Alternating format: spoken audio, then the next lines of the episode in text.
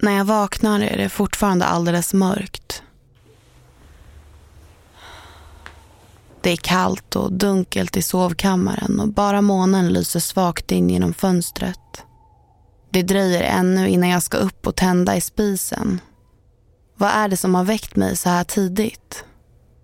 Jag vänder mig mot Erik som sover tungt bredvid mig. Kryper närmre hans rygg för att få lite mer värme. Jag håller precis på att slumra till igen när jag hör något. Ett svagt ljud inifrån storstugan. Som ett jämrande. Jag håller andan för att höra bättre. Men nu är det alldeles tyst igen. Kanske var det bara ett djur utanför. Jag slappnar av igen. Sluter ögonen. Men nej, där är ljudet igen. Jag blir alldeles iskall inombords.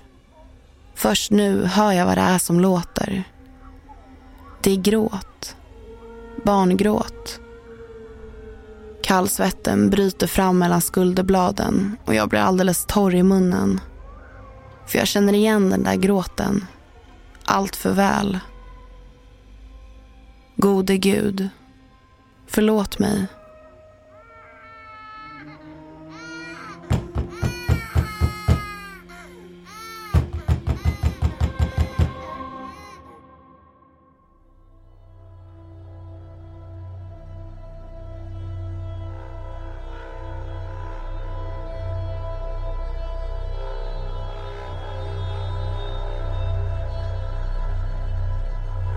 Välkommen till Oförklarliga fenomen.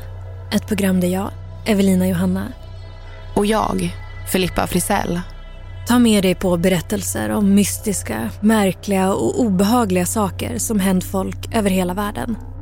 Saker som inte alltid går att förklara. Jag har inga egna barn än, men eh, jag längtar efter att bli mamma någon dag. Däremot, oavsett hur mycket man älskar barn så vill man ju självklart välja själv när man känner sig redo att bli förälder. Och för kvinnor förr i tiden, innan preventivmedel fanns, så var det långt ifrån en självklarhet. Samhällsklyftorna var grövre och var du en kvinna och dessutom av låg börd så var tyvärr sannolikheten att du skulle bli utnyttjad ganska hög. Och vad skulle du då göra om du blev gravid mot din vilja i ett samhälle där sex utanför äktenskap var en dödssynd? I det här avsnittet ska vi berätta om mylingen. Kanske en av de sorgligaste myterna inom den nordiska folktron.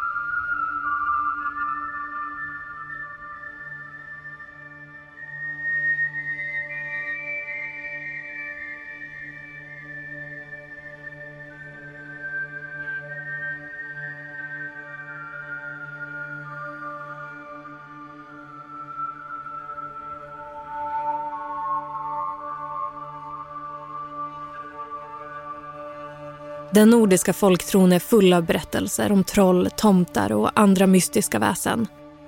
Myter och sägner som berättats i generationer vid brasans sken i skogarna och på gårdarna. Att berätta historier har i alla tider varit ett sätt för oss människor att underhålla oss själva och varandra. Men berättelserna har också haft ett annat syfte.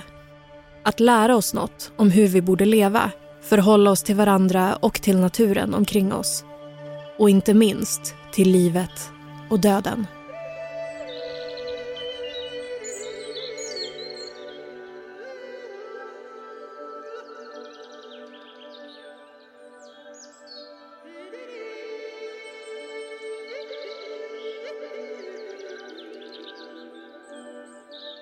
Kära Gud. Jag vill tacka dig ikväll för allt du har givit oss. Vädret har varit gynnsamt den här sommaren och Erik säger att skörden kommer att bli god. Mor och far har hälsan och inuti min kropp växer och frodas ett nytt litet liv. Jag förundras över att man kan få känna sig så här lycklig. För kära Gud, det fanns en tid för länge sedan då jag trodde att lyckan inte var för mig. Att min framtid, ja, hela mitt liv, var över. Men du fann det i ditt hjärta att förlåta mig för det jag gjort. Och du förde min älskade Erik till mig. Och nu ska vi bli en riktig familj. Tack för allt som jag fått.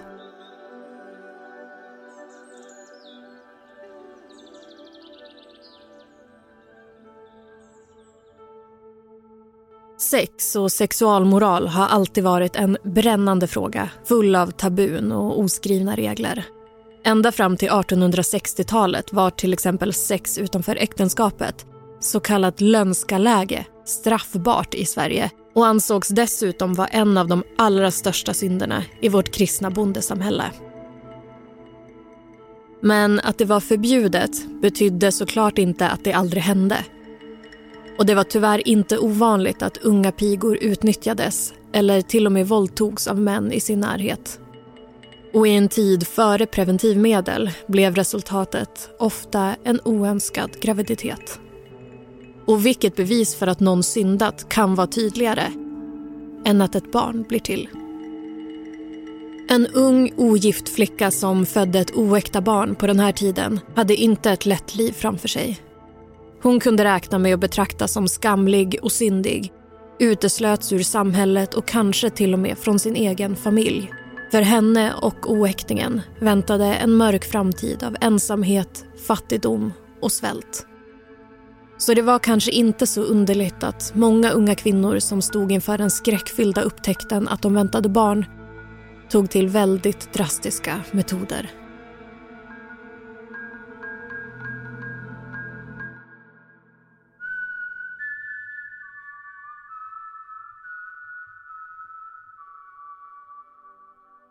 Kära Gud, nätterna börjar bli svåra nu.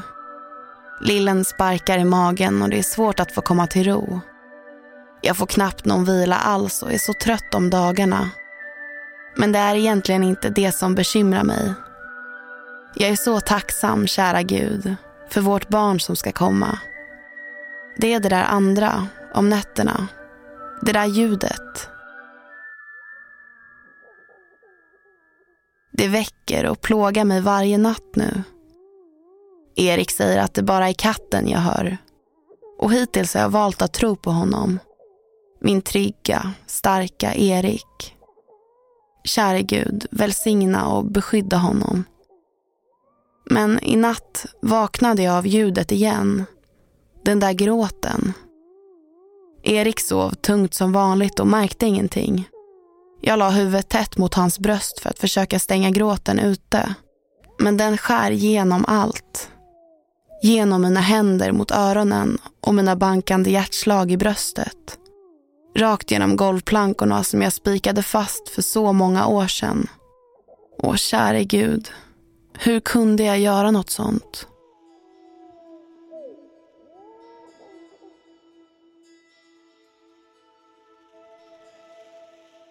Abort var länge olagligt och fram till 1864 ledde brottet till dödsstraff.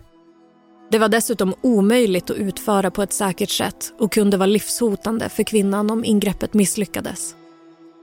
Kanske upptäckte många också graviditeten alldeles för sent för att ens kunna försöka. Istället dolde en gravid ogift kvinna sitt tillstånd under stora kjolar och lager av kläder och födde barnet ensam i största hemlighet. Och där fann hon sig sen, med ett nyfött barn i famnen. Ett litet, nytt liv som hon visste betydde slutet för hennes eget. Och i den kritiska stunden såg hon bara en enda rimlig utväg. En förödande handling som tyvärr var lika vanlig som djupt tragisk. Med en handlingskraft som är svår att förstå tog den nyblivna mamman livet av sitt nyfödda barn ofta genom att kväva eller dränka det. Sen försökte hon hitta ett säkert ställe att gömma kroppen på. En plats där ingen någonsin skulle leta. En vanlig plats var under golvbrädorna hemma i stugan. Den lilla kroppen lindades in i tyg och placerades i en enkel trälåda. Men barn gömdes också undan i stenrösen eller grävdes ner i marken. Och för de mammor som inte klarade av att handgripligen döda sitt barn återstod bara att lägga ut det i skogen. Hungrigt, kallt och gråtande låg det sen där. I väntan på rovdjuren.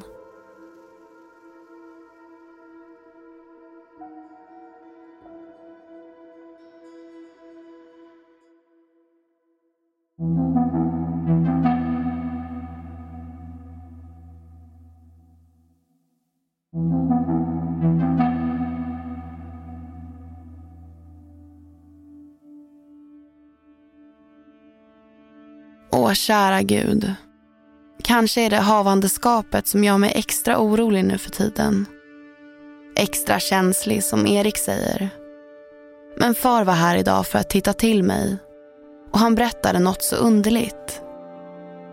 På vägen hit hade han mött en pojke. Han tänkte att det var något av de stackars hjonen från fattigstugan. Och förmodligen var pojken lite sinnesslö, sa far. För han hade från ingenstans börjat kalla honom för morfar. Far som aldrig sett pojken förut hade bara skrattat och sagt att han nog ska bli morfar alltid. Men att det dröjer ett tag än. Gode Gud, jag vet att jag borde känna medlidande och ömhet för den stackars pojken. Men fars berättelse gav mig rysningar och en obehaglig påminnelse om det fruktansvärda jag så många gånger bett dig om förlåtelse för.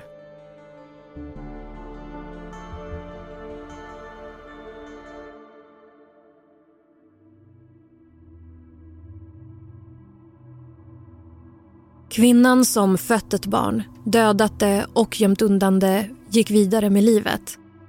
Hon hade klarat det. Klarat sig undan evig skam och utanförskap. Men myterna berättar något annat. För plötsligt en dag, långt senare, vill något ha hennes uppmärksamhet. Med klagande läten, högljudd gråt, ilskna väsanden och till och med gälla skratt sökte den kontakt från sin hemliga grav. Myterna berättar att det kunde gå flera år innan en myling kom tillbaka. Ibland efter exakt sju år. Ibland på mammans bröllopsdag eller när hon väntade ett nytt barn.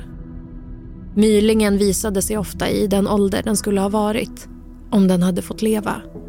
Och när mylingen väl dök upp då gällde det att snabbt försöka ta sig så långt bort som möjligt. För vad händer om man kombinerar det naiva och lekfulla hos ett litet barn med det oberäkneliga och hämndlystna hos en gengångare?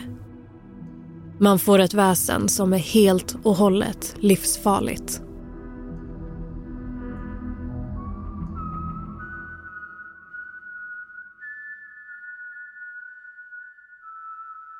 Gode Gud, håller jag på att bli tokig, förlora förståndet. Varje natt ligger jag vaken och lyssnar till gråten. Den hemska gråten som Erik fortsätter säga bara är katten eller råttorna eller mardrömmarna eller bara i mitt huvud. Men så igår, kära Gud. Igår fick jag besök, här i stugan. Helt plötsligt var jag inte ensam.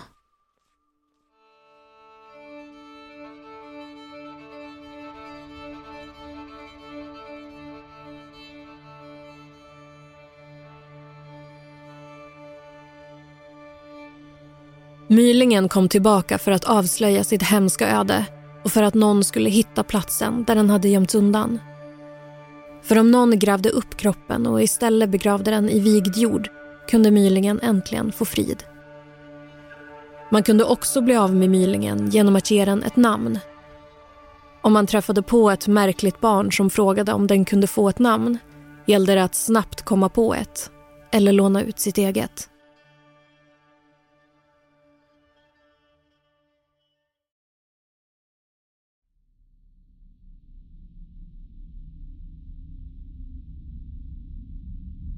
Kära Gud. Jag stod vid spisen och förberedde kvällsvarden när jag plötsligt kände något bakom mig. När jag vände mig om stod en helt främmande pojke där. Mitt på köksgolvet. Jag blev så rädd att jag skrek till. För hans blick går knappt att beskriva. Alldeles svarta och tomma ögon. Stirrande som att de såg rakt igenom mig. Och så var det något annat med honom. Han verkade så bekant på något sätt. Och ändå var han så onormal. Det bleka, magra ansiktet. Som en vuxen mans drag på ett barns kropp. Och så det där leendet. Som att munnen drogs alldeles för brett åt sidorna men att resten av ansiktet inte hängde med. Svarta, smutsiga tänder innanför. Kanske var det den sinneslöa, fattiga pojken som far träffade. För han ställde så konstiga frågor till mig. Han frågade gång på gång efter sitt namn. Jag sa att jag inte visste och bad honom att gå. Men han bara fortsatte. Vad är mitt namn? Vad är mitt namn? Vad är mitt namn? Viskande först, men sen högre och högre och fortare och fortare. Han slutade inte, trots att jag bad honom. Och kära Gud, till slut blev jag så ifrån mig att jag satte händerna för öronen och bara skrek rakt ut. Gå härifrån. När jag öppnade ögonen igen var han försvunnen. Jag tittade ut genom fönstret men såg honom inte. Men det var som att hans steg ekade över golvet långt efter att han gått. Jag sa inget till Erik när han kom hem. Han skulle ändå inte tro mig. Jag kan bara vända mig till dig, Gud. För du är väl fortfarande där?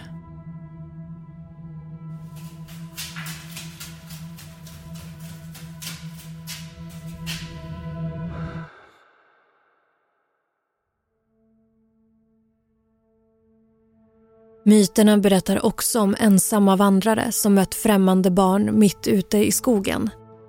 Barnen bad om att få bli buret på ryggen eftersom det hade gått så långt. När vandraren tog barnet på sin rygg mångdubblades plötsligt barnets tyngd och det vägrade släppa taget. Vandraren tvingades släpa sig fram, steg för steg tills han till slut sjönk ner i marken och kvävdes till döds av barnets kropp.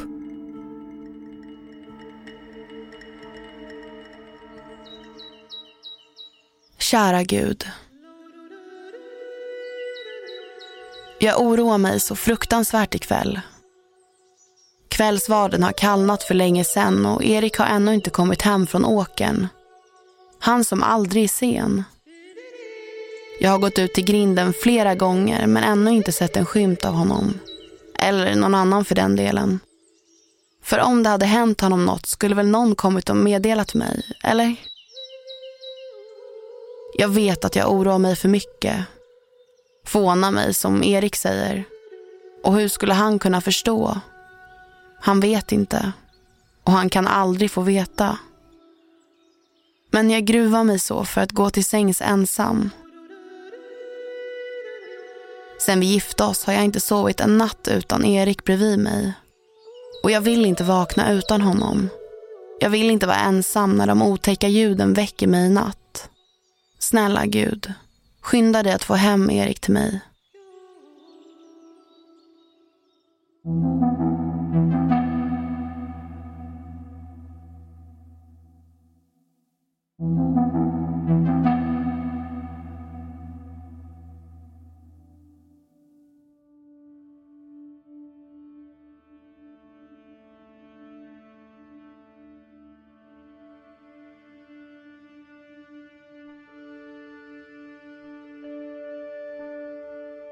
Ibland nöjde sig inte mylingen med att få ett namn eller att bli ordentligt begravd. Den kunde också komma tillbaka för att hämnas sin tragiska död och avslöja sin mammas grymma brott. Och det hände att mylingen straffade sin mamma på det mest fruktansvärda sätt. En myt berättar om en myling som kom tillbaka på sin mammas bröllopsdag. Plötsligt stod en främmande pojke i rummet och bad att få dansa med bruden och när hon tveksamt gått med på det vägrade pojken att släppa henne Med onaturlig styrka höll han fast henne och dansade med henne om och om igen utan vila tills hon till slut dog av utmattning. I andra berättelser kom mylingen tillbaka till sin mamma när hon fått ett nytt barn och bad att få dricka av hennes mjölk. Mylingen drack och drack tills mjölken tog slut och omöjlig att slita bort från mamman fortsatte den tills den sugit allt blod ur sin mammas kropp.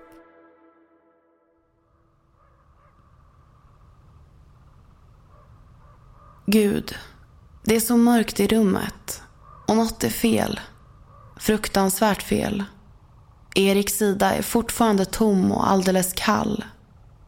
Jag försöker se mig om i rummet, vänja ögonen vid mörkret.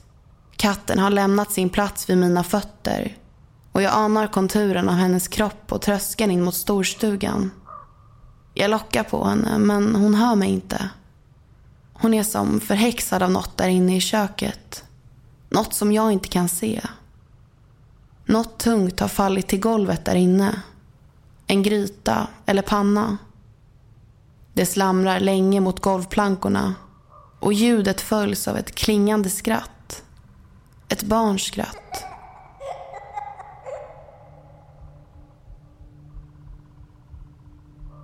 Åh gode gud, hur gammal skulle han ha varit nu?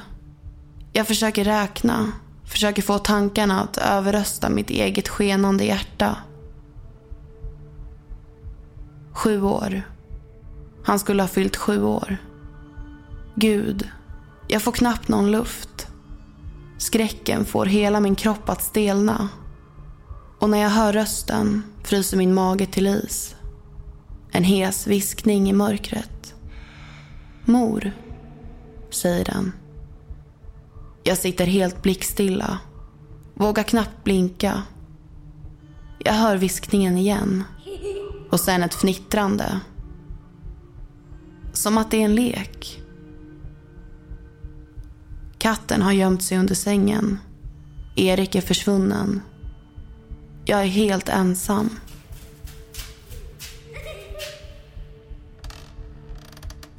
Det knallar till precis utanför kammaren och de tassande stegen upphör.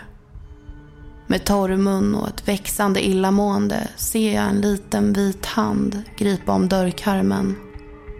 Och sen en liten, blek, smutsig fot kliva över tröskeln. Hjärtat dånar i huvudet på mig.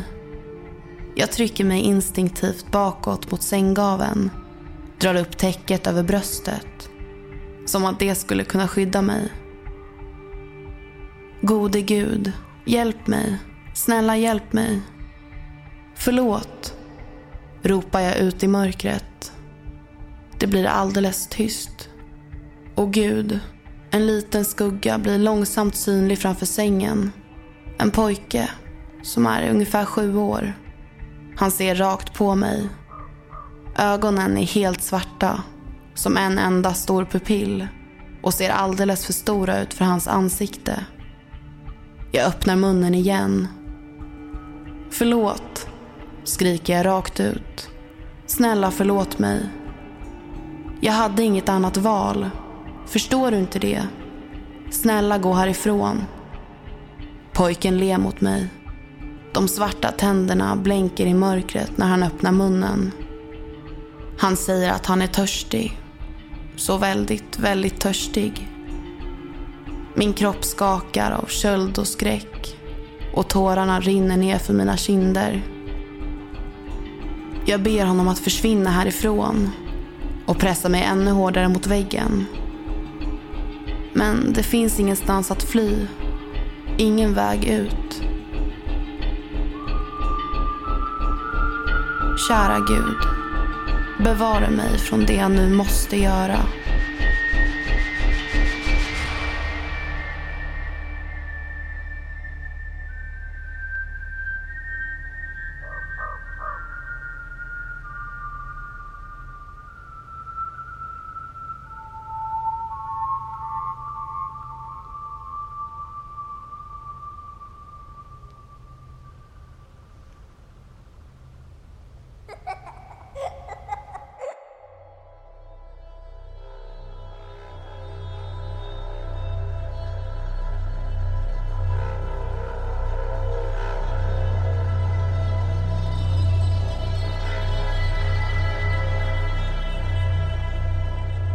Du har lyssnat på Oförklarliga fenomen med mig, Evelina Johanna. Och mig, Filippa Frisell. Glöm inte att följa oss på TikTok där ni kan se bilder av mylingen. Och har ni idéer på fler oförklarliga fenomen så lämna jättegärna en kommentar eller skriv till oss på Instagram. Båda hittar ni om ni söker på ät oförklarliga fenomen. I nästa avsnitt av Oförklarliga fenomen beger vi oss till Eastern State Penitentiary i Philadelphia. Ett fängelse som var ökänt för hur illa fångarna behandlades. Fångar som flera årtionden efter sin död fortfarande sägs vara kvar. Manuset i det här avsnittet är skrivet av Johanna Hellner. Redaktör Alex Häger. Originalmusik Adam Bejstam. Huvudtema Oscar Wendel. Ljuddesign och exekutiv producent Daniel Murberg. Oförklarliga fenomen görs av oss på podcastbolaget Cast.